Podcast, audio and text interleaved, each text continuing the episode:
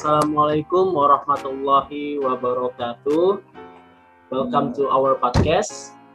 Uh, terima kasih kepada teman-teman semuanya yang sudah mau mendengarkan podcast kita. Oke, okay, pada kesempatan kali ini kita akan membahas suatu uh, materi yang sangat luar biasa. Kita akan ngobrol lah ya, bukan membahas nih lebih kepada mengobrol uh, suatu bahasan yang sangat luar biasa yaitu mengenai pemasaran digital. Di sini saya Syam Ashari Nugraha dan partner saya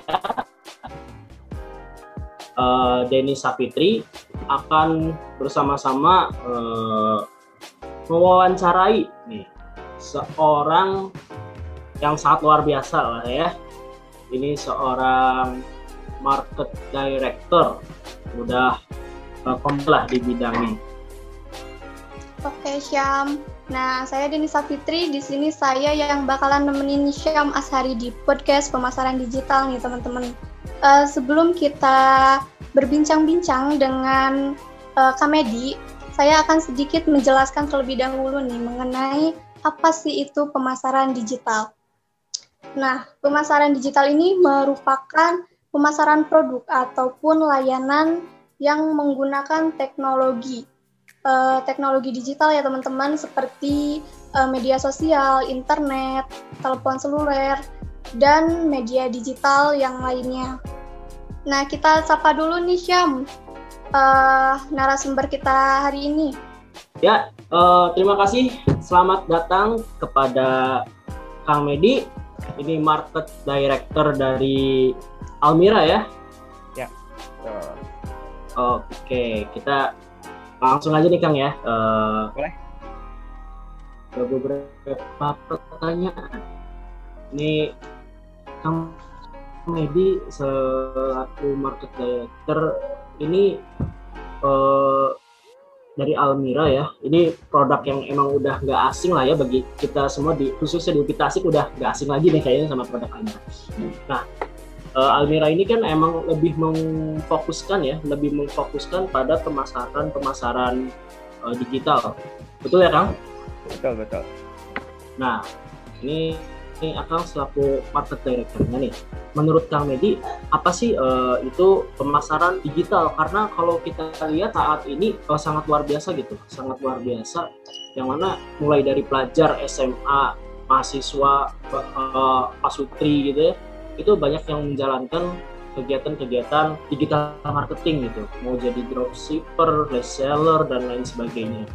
Menurut Kang Medi sendiri apa sih itu uh, digital marketing? Ya, uh, kedengarannya siapa? Ya kedengaran, kedengaran. Okay.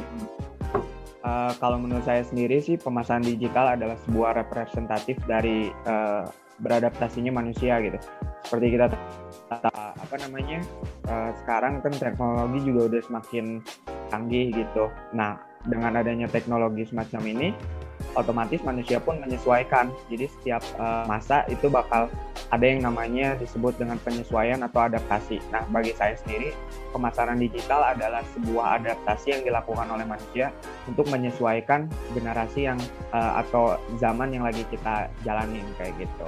Itu sih Jadi untuk penyesuaian dari manusia itu sendiri, khususnya kalau dalam hal itu dalam memenuhi kebutuhan. Betul, betul. Saya juga mau nanya nih Kang, uh, mengenai hambatan apa saja sih yang akan rasakan selama melakukan pemasaran digital ini?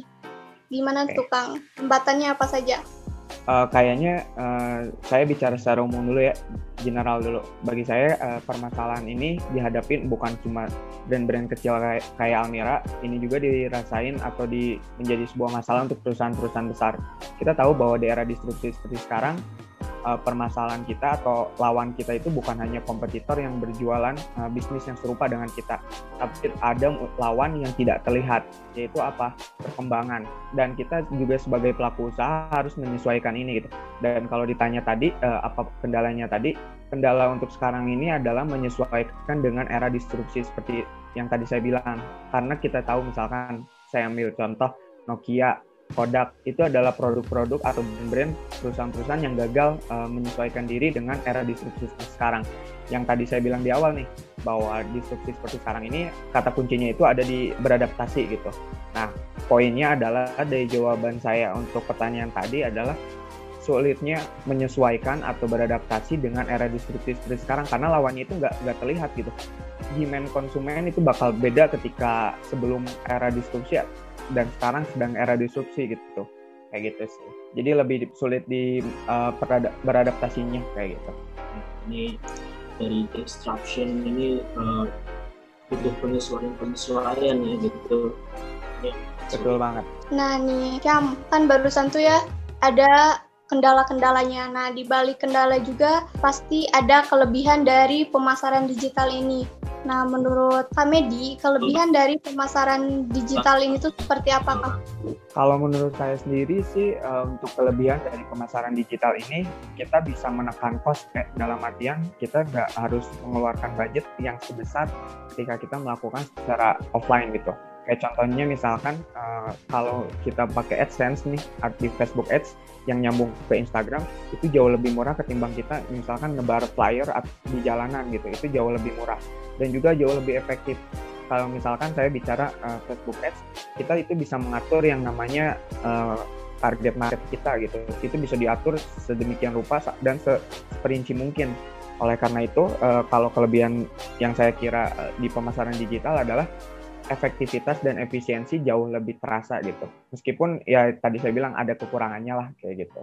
Dan kalau kita tadi ya menggunakan pemasaran digital melalui hmm. Facebook Ads, Instagram, dan di Instagram mungkin bisa menjangkau pasar yang lebih luas juga ya. Betul banget, betul. Uh, saat ini nih belakangan belakangan ini bukan belakangan ini ini udah satu tahun lebih ya kita lagi pandemi gitu hmm. uh, saat pandemi ini kita semua tahu lah ya pemasaran yang paling efektif adalah pemasaran yang dilakukan secara digital. Betul. Nah, otomatis banyak uh, pesaing-pesaing nih yang hmm. pesaing-pesaing yang akhirnya yang tadinya melakukan pemasaran secara konvensional ini berpindah gitu, berpindah ke pasar digital. Apa sih uh, strategi akang supaya tetap bisa gitu tahan di ya sama banyak pesaing saat pandemi sekarang. Uh, kalau saya misalkan ngejelasin dikit uh, istilah yang namanya competitive advantage atau kelebihan uh, perusahaan kita yang tidak dimiliki oleh kompetitor kita.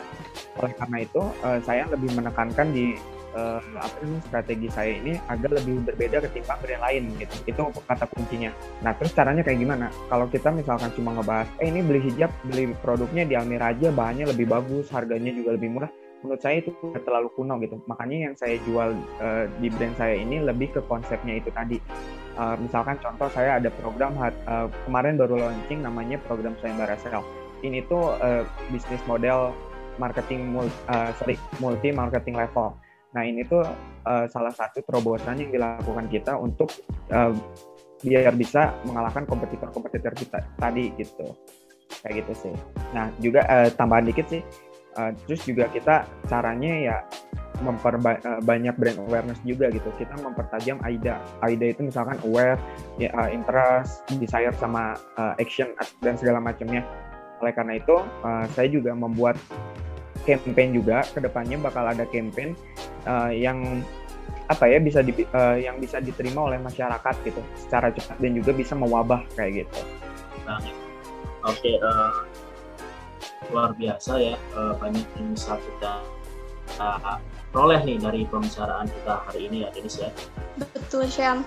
Nah agar kita bisa mencontoh nih Kang ya pemasaran digital yang telah akan jalankan Uh, kita minta nih Kang tips-tips dan motivasi biar kita semua pada semangat gitu Kang menjalankan bisnis hmm. sesuai pengalaman Akang. Oke, okay.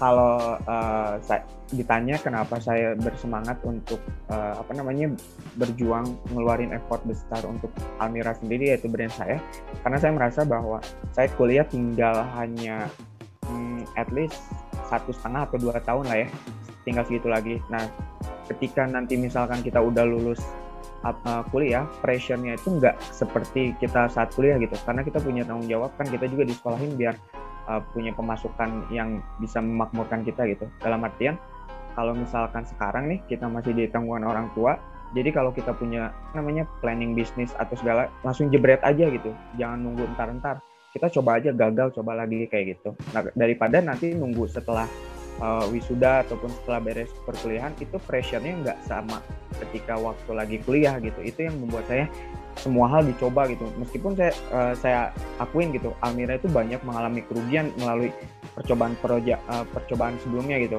kita misalkan ada masalah dengan investor waktu itu. Terus juga kita juga uh, kan kita trial to error ya belajar dari kesalahan gitu. Nah, otomatis costnya itu besar kayak gitu. Nah jadi yang bisa saya sampaikan ke teman-teman adalah mulai bisnis dari sekarang aja gitu. Terutama untuk yang masih semester 2 semester 4 langsung jebret aja punya planning jebret punya planning jebret gitu. Cobain aja gagal coba lagi kayak gitu. Terus juga kalau tips pemasaran saya rasa kenali dulu brand kalian tuh mau seperti apa gitu. Apa yang pengen uh, pengalaman seperti apa yang pengen uh, kalian sampaikan ke customer gitu. Nah nanti kalau udah itu kalian bisa rinciin lagi gitu caranya tuh gimana biar konsumen ini bisa mengenal brand kalian. Kayak gitu. Untuk masalah Instagram Ads Facebook Ads itu mah bisa menyesuaikan lah. Yang penting basicnya dulu pondasinya dulu brand kalian itu mau seperti apa kayak gitu. Itu sih pengalaman saya. Oke, ini uh, luar biasa banget. Jadi kita harus membiasakan diri dulu dengan kegagalan-kegagalan ya. Masa muda kita diisi dengan ya kegagalan sehingga kita sudah terbiasa dan sukses di masa yang akan datang. Oke, uh, sebenarnya kita ingin ngobrol lebih panjang ya Denis ya, cuman karena memang waktu yang terbatas, ini luar biasa banget. Lama-lama nih. Betul sekali Syam, karena kita sudah di penghujung waktu nih Uh, mungkin penutupannya boleh nih Akang promosi terlebih dahulu untuk produk Akang ini. Oke, uh, kalau dita misalkan ditanya kenapa orang harus beli di Almira, saya nggak punya jawabannya. Karena misalkan kalian mau cari hijab lebih mahal uh, atau lebih murah, itu ada di brand lain. Kalian nyari yang bahannya kualitas, ada di brand lain. Tapi kenapa harus di Almira? Karena Almira ini adalah uh, bisa dibilang di masa depan bakal jadi trendsetternya untuk uh, para remaja-remaja khususnya para cewek ini bakal jadi trendsetter gitu melalui program-program yang asik banget. Oleh karena itu saya mengajak untuk rekan-rekan semua yang menonton ini untuk mengikuti program-program Almira Atelier. Salah satunya saya Mbak Rasel karena di sana itu banyak banget manfaatnya atau benefit untuk kalian mulai dari networking, new knowledge, new experience. Terus juga kalian bakal dapat uh, uang cash tanpa modal bisnis tanpa modal atau affiliate modal kayak gini kalian cuma bisa dapetin di Almira Atelier. Karena itu uh, saya tunggu kehadiran rekan-rekan untuk bergabung di program Almira Atelier. Thank you. Oke, okay, thank you Kang Medi, uh, marketing director Almira Atelier. Uh, kita sudahi uh, acara kali ini. Uh, uh, tunggu ya episode-episode selanjutnya. Emang kalau ada, kalau ada tetap di IBD Podcast bersama saya Syam Ashari Nugraha dan juga Denny Safitri. Assalamualaikum warahmatullahi wabarakatuh.